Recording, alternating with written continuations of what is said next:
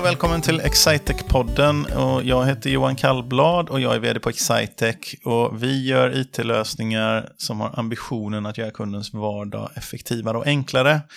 Gärna roligare också. Och podden, eh, om ni har lyssnat vid det här laget så vet ni att det handlar om eh, mina kollegor, alltså vår personal, någon gång ibland våra partners eller våra kunder. Eh, och I det här avsnittet så har jag ryckt in min kollega Tove Rustas Vigurd. Var det, var det okej? Okay? Det var helt rätt. helt rätt. Tack så mycket.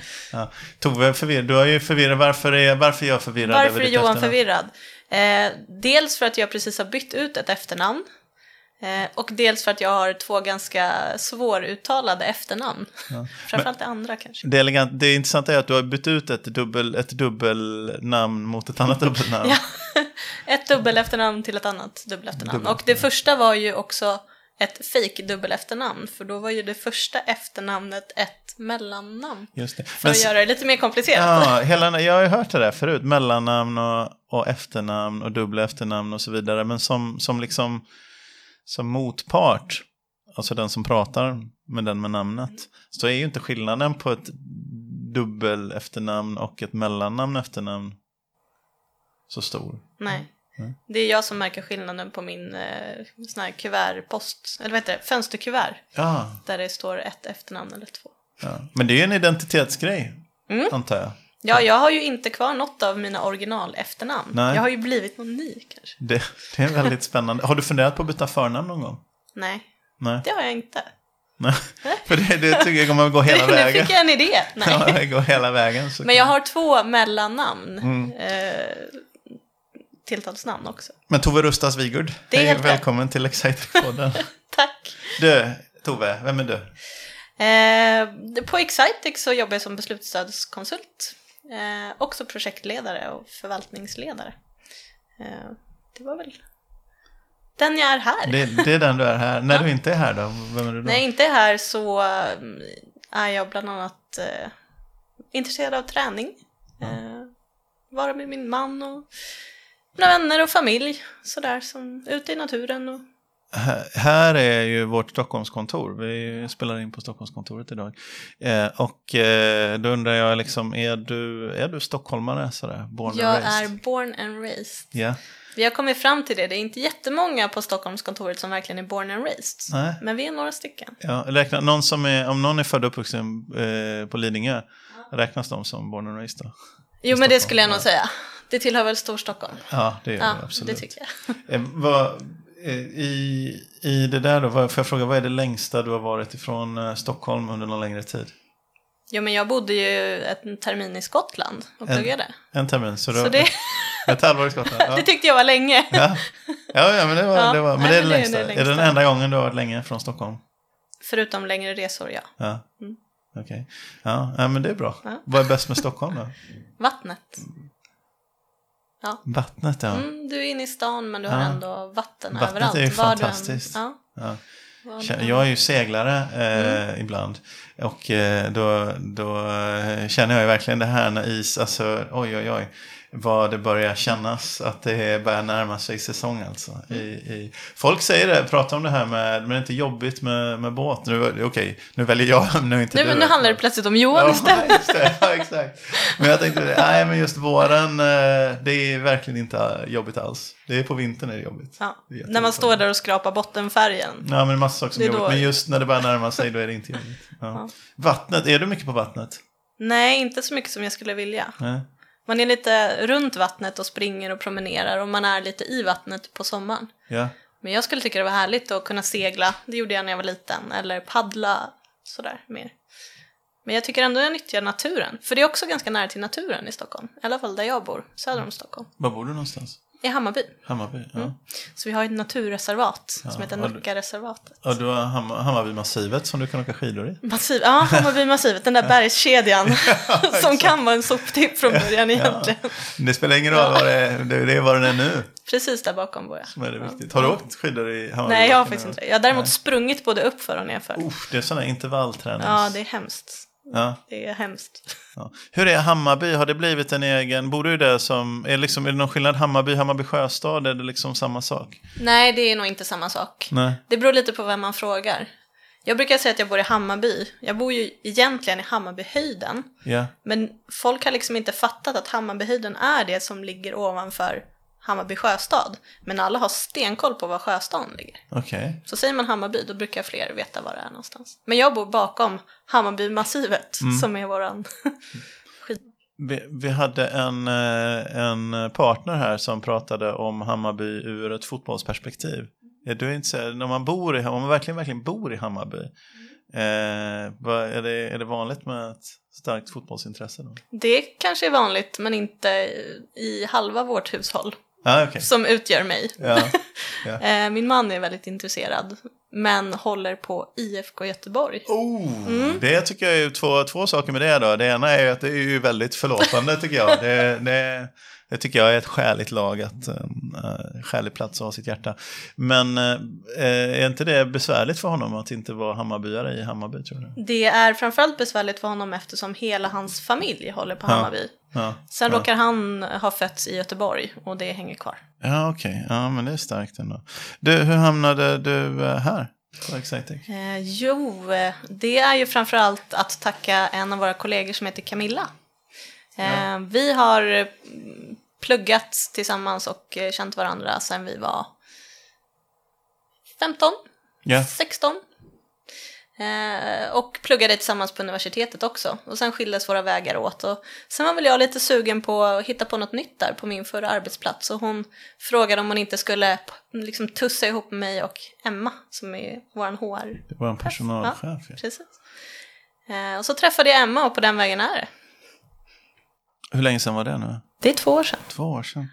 Eh, och, och du sa att du jobbar med beslutsstöd. Mm. Eh, vad innebär det då? Vad gör du på jobbet? Jag har Ja. haft några kollegor här förut i och för sig som pratat. Men vad gör, ja, och du pratade lite om vad du gjorde. Men vad, när går du igång?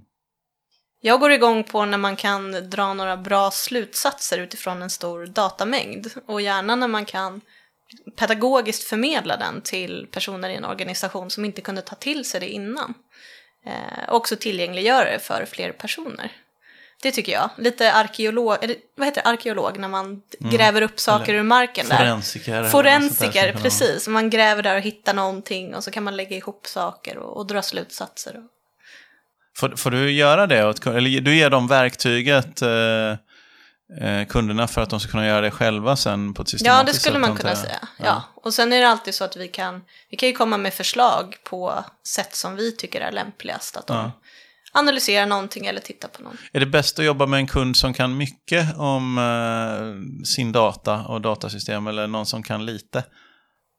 Jag tycker att det är, båda är kul, men på helt olika sätt. För den kunden som kan lita om sin data, den kan man ge så otroligt mycket mer värde så himla fort. Det är den här första, ja, nu jobbar vi med produkter som heter Klick, som jag jobbar med framförallt. Eh, och den här första klickupplevelsen när, när kunder känner wow, kan jag se det här ur min data? Kan jag dra de här slutsatserna? Liksom, och man bara vill ha mer och mer för man förstår hur kraftfullt det är. Medan den kunden som är som har hög kunskap om sin data och kanske är väldigt analytisk sen innan, där får man ju göra mer avancerade grejer och man kan bolla mer med varandra. Det, är ju, det blir ju roligt på ett annat sätt. Jag tycker det är den klickupplevelsen, den wow-upplevelsen. Det är inte så ofta i vår industri, det är ganska abstrakta saker vi jobbar med ofta. Men det är inte så ofta som man eh, får vara nära någon som får den där wow-upplevelsen. Men det tycker jag händer verkligen med det, med det, med det verktyget. Det har ju funnits ett tag, varit ute där länge, men fortfarande, jag brukar säga det fortfarande när man tror att men inte det är överetablerat och det har funnits så länge och har inte alla det. Så är det så. De, de allra flesta datamängderna som skulle må bättre av att konsumeras i klick, de konsumeras inte i klick. Nej. Så vi har inte kommit, nej men alltså det allra, allra mesta återstår. Eh, för det handlar inte om att ha programvarulicensen utan det handlar om vad man gör med det och tillämpningarna då.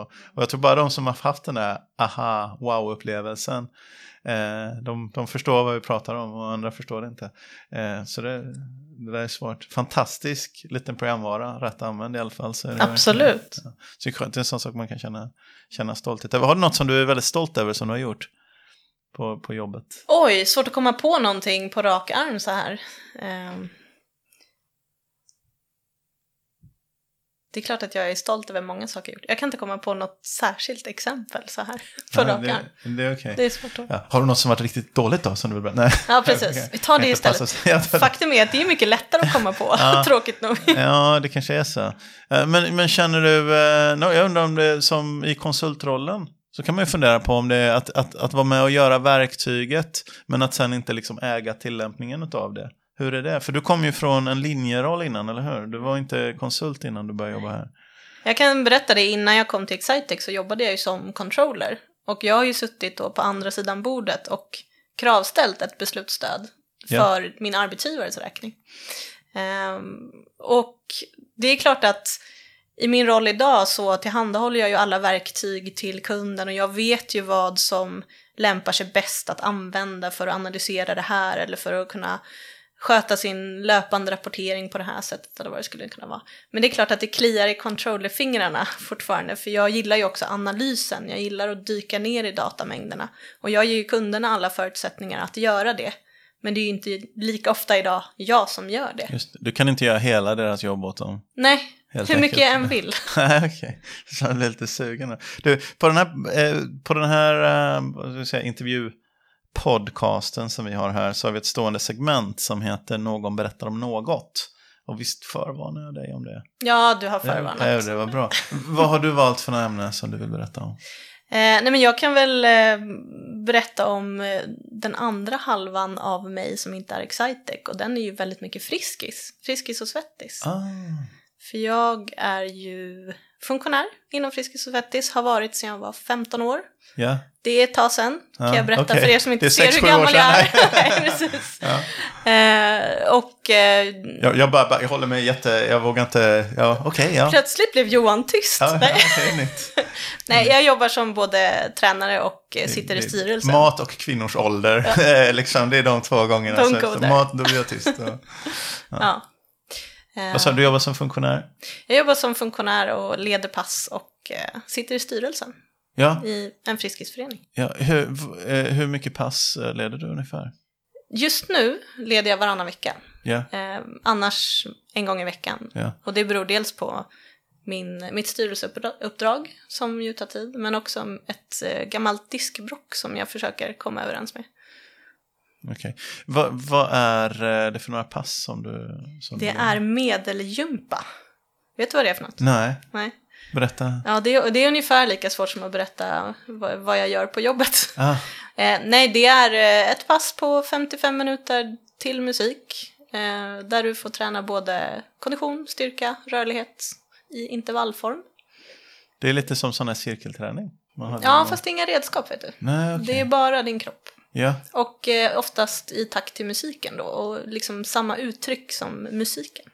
Lite är det koreograferat lite på det nära sättet. dans också på det sättet? Det är lite nära dans. Det är lite som eh, aerobics dans fast enklare koreografi och även styrketräning i. Det låter ju oerhört härligt. Det är liksom allt i ett. Ja. Är det någon speciell, är det så att alla kan delta eller är det någon speciell, hur är det med de, som verkligen är med? Vilken, eh, vilken typ av människor brukar det vara? Eh, jag skulle säga att det är kanske 80% kvinnor. Ja, Men det är mellan eh, 12 och 85 år. Verkligen spritt däremellan. Mm. Eh, och sen männen är ju lite rädda för att komma på gympan eftersom det, det tillhör en del koreografi. Och det brukar vara lite avskräckande. Mm. Men eh, träningsnivå tycker jag att alla kan komma på medelgympa. Bruk, brukar ni samlas och skratta åt de männen som var dåliga på koreografin efteråt? Ja. Faktum är att min pappa har varit med en gång. Ja. Och honom kunde jag inte titta på för då skulle, när jag ledde passet alltså, då Ja. skulle jag börjat tokskratta och komma Ja. mig totalt. Ja, det var inte hans, bland alla hans goda egenskaper så är inte förmågan att röra sig koreograferat i dansen och de mest framträdande. Det stämmer. Mm. Ja, eh, ja, det var intressant. Ja, Jag vet ingenting om din pappa. Nej. Nej, men han är, men förutom då att eftersom du är född och uppvuxen i Stockholm så tänker jag att han eh, också Min, har bott där en del av ja, min, min pappa är från Täby. Ja. Han är faktiskt också friskisfunktionär. Ja, Min mamma är från Gärdet, hon är också friskisledare. ja. Så du är uppvuxen i en friskisfamilj kan man säga? Nej, jag var faktiskt samtidigt som mamma in i Friskis. Ja. Sen, sen, och min bror är ju friskisledare också då såklart. Och, det här, och, och vad ger det här dig? Det ger mig en känsla av att kunna bidra med någonting som jag är bra på och inspirera folk att göra något som jag tycker är viktigt, vilket är att träna och röra på sig, men också ha kul samtidigt som man tränar. Det tycker jag är nästan ännu viktigare. Hur många medlemmar är det i en Friskisförening ungefär? Hur stora är de stora de här? Eh, våran förening där som jag är ledare i och styrelseledamot är det 6 000 medlemmar och det är Tyresöföreningen. Ja. Eh, Stockholmsföreningen däremot är väl närmare 20 000 medlemmar. Okej, Men då är det många anläggningar då som man har i, I Stockholm? Stor, ja. 17 tror jag. Oj, Tyresö har en. en anläggning. Ja, det är ju mycket färre. Mm. Ja. Ja. Eh, så du, du är styrelse, vad gör du i styrelseuppdraget där? Ja, jag är ju beslutsstödskonsult idag, har jobbat som controller och är utbildad ekonom, så jag är kassör. Ja. Inte jätteförvånande kanske. Nej, det var lite normativt Ja, utifrån ja. förväntans. Och även då controller för verksamheten kan man säga. Ja. Finns, ville du egentligen vara ordförande men du Nej, bara vet du, putta jag är- in dig i något typiskt... Ja, i det här fallet är jag hellre siffernissen faktiskt. Ja. Jag tycker det är kul. Ja. Och, och hur ofta har ni styrelsemöten? En gång i månaden. Ja. Sen tillkommer lite årsstämmor och föreningskonferenser. Och... Men det finns anställda och så va? I... Mm. Sex stycken Ja, har vi i Tyresö. ja okej. ja. Mm. Eh, som, och sen hur många liksom frivilligfunktionärer? Mm. Vi, det är sex anställda, Ja. 200 funktionärer, varav 100 stycken är ledare. Okej, får, man, får man betalt för att vara funktionär? Ingenting? Nej. Nej. Funktionärsrollen är helt ideell och även styrelserollen helt ideell. Ja. Så det här är också någonting som jag absolut inte gör för pengar. Nej, det förstår jag i så Bara- fall. Ja. bara även, om, även om revisorstjänsten eh, innebär vissa möjligheter. Ja. Eh, Och, nej, och omsättning i. Föreningen. Ja. 12 miljoner. 12 miljoner, Mm. oj oj oj. Ja. Det är mycket pengar, 2000 per näsa alltså, på medlemmarna. Det låter ju skäligt i och för sig. Mm. Träningskort. Ja, just det. Och det går åt till anläggning, funktionärslöner, utrustning. Mm, precis, utbildning av ledare. Så. Det, Och föreningen är ju tänkt, eh, det är ju en förening, det är ju inte ett företag. Det är ju en missuppfattning som många har om Friskis och Svettis. Att det är en trä- träningskedja som vilken som helst. Men Friskis är ju snarare en idrottsförening som vilken fotbollsklubb eller simklubb som helst. Mm. Och alla som tränar på Friskis är medlemmar. för, förutom elitverksamhet, det finns ju ingen elitverksamhet i Friskis, väl? Eller finns det det? Nej, det Nej. gör det inte. Eh, och det är inte det det är till för. Så vad är övergripande syfte, fri, hela Friskis-organisationen, var kommer den ifrån? Har du koll på det? Jo, för det var ju Johan Holmsäter som startade den. Och det var ju en tanke då med att på 70-talet då Friskis startades 78 så var det mest elitidrott, precis som du säger. Och man tappade de som bara ville motionera. Ja. Så Friskis är ju till för Friskis, det är, eh, vad heter det? Ja men de som är skadade behöver rehabba. Och Svettis, det är de som bara ville träna och motionera. Så det är till för hela det här segmentet av folk som inte ville tävlingsidrotta. Men nu med ditt diskbråck så är du både Friskis och Svettis. Ja, precis. Tänkte, så Ja, du, du faktiskt. lever själen till, precis. till. Så, så det är nästan som en rekommendation. Är det en rekommendation att engagera sig i Friskis och Svettis eller gå dit och träna och röra på sig? Har du någon... Ja men det tycker jag. Friskis, det är ju till för att alla, alla ska kunna röra på sig. Och oavsett vem man är eller vad man har på sig eller vad man har gjort innan. Eh, men också träna det som du tycker är kul och engagera dig ideellt överhuvudtaget, kanske inte bara i Friskis. Har du gått på vanliga gym? Har du varit medlem liksom i någon sån Jag här har gått på vanliga gym. Ja. Ja. Hur, eh, hur upplever, upplever du någon skillnad på det och Friskis? Förutom att, Förutom att det är dyrare. Ja. Eh, ja, många sådana kommersiella gym tycker jag är mycket, mycket, mycket mer säljiga. Och dyrare. Eh, men sen finns det ju de här nyckelgymmen som jag kallar det för, som är öppna Ja. dygnet runt. Där betalar du samma pris men får inte alls samma kvalitet och samma utbud. Eh, och anledningen till att Friskis kan hålla lägre priser det är ju för att vi jobbar ideellt. Är det inte lite mycket då med 6 000 medlemmar på en anläggning? Det börjar bli trångt. Ja. Men det är, många av dem är ju, vi har ju medlemmar som är från ja, två år, är vår yngsta, till 90 år.